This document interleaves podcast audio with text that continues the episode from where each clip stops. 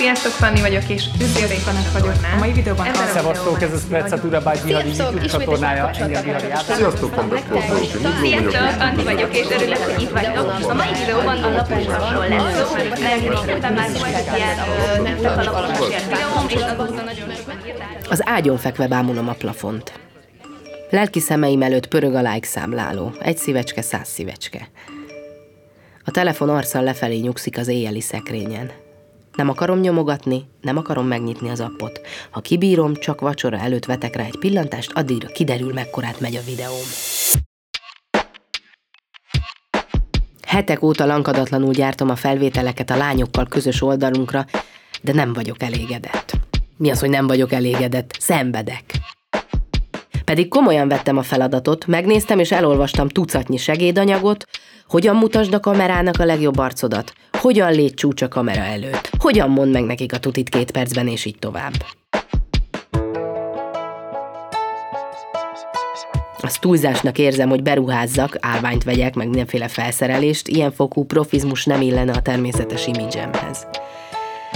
De hogyan lesznek a videóim természetesek úgy, hogy közben jól is nézzenek ki?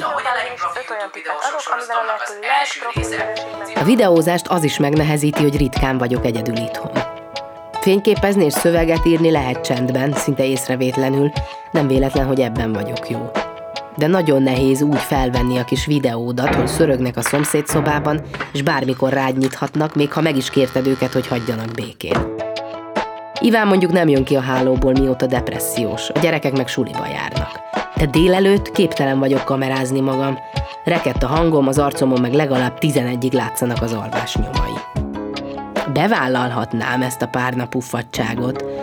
Lehet, hogy azt kéne tennem, hiszen az online jelenlétemnek évek óta ez a lényege. A közvélekedés szerint nem szép, nem esztétikus részletek felvállalása, az erről való vicceskedő elmélkedés, a védjegyemmé vált önreflexív jópofizás, amit persze nem én találtam ki, de sajnos lebénít az a sokkoló felfedezésem, hogy a videó nagyítóként működik, és sokkal több kedvezőtlen részletet is megmutat belőlem, mint amennyit beterveztem.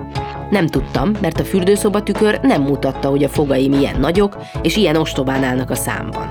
Nem tudtam, hogy az orrom megnőtt. Nem tudtam, hogy az arcom lefelé folyik, és azt sem tudtam, hogy bizonytalanul szólalok meg.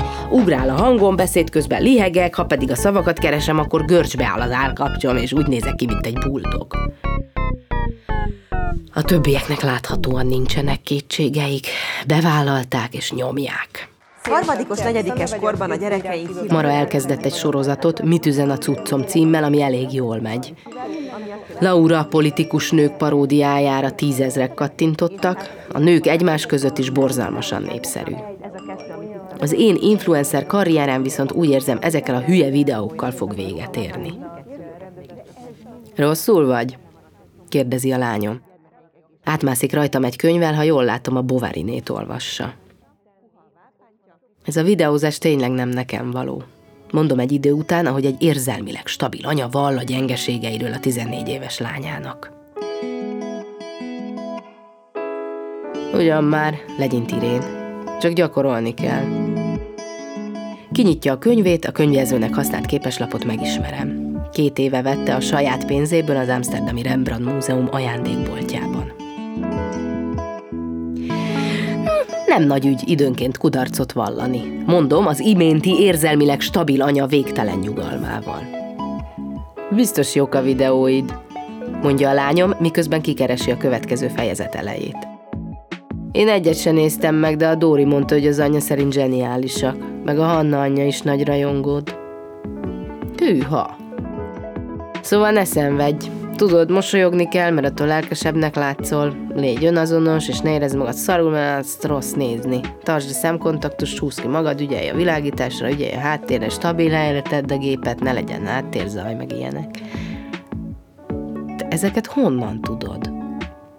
Jézusom, anyu, ezeket mindenki tudja. Akkor jó. Mondom, és felülök. Fel kéne kapcsolni a villanyt, le kéne ereszteni a redőnyt. Egy mikrofont azért vehetnél, teszi hozzá Irén. Nem én mondom, hanem a Dóri anyja üzeni. Vagy a Hannáé.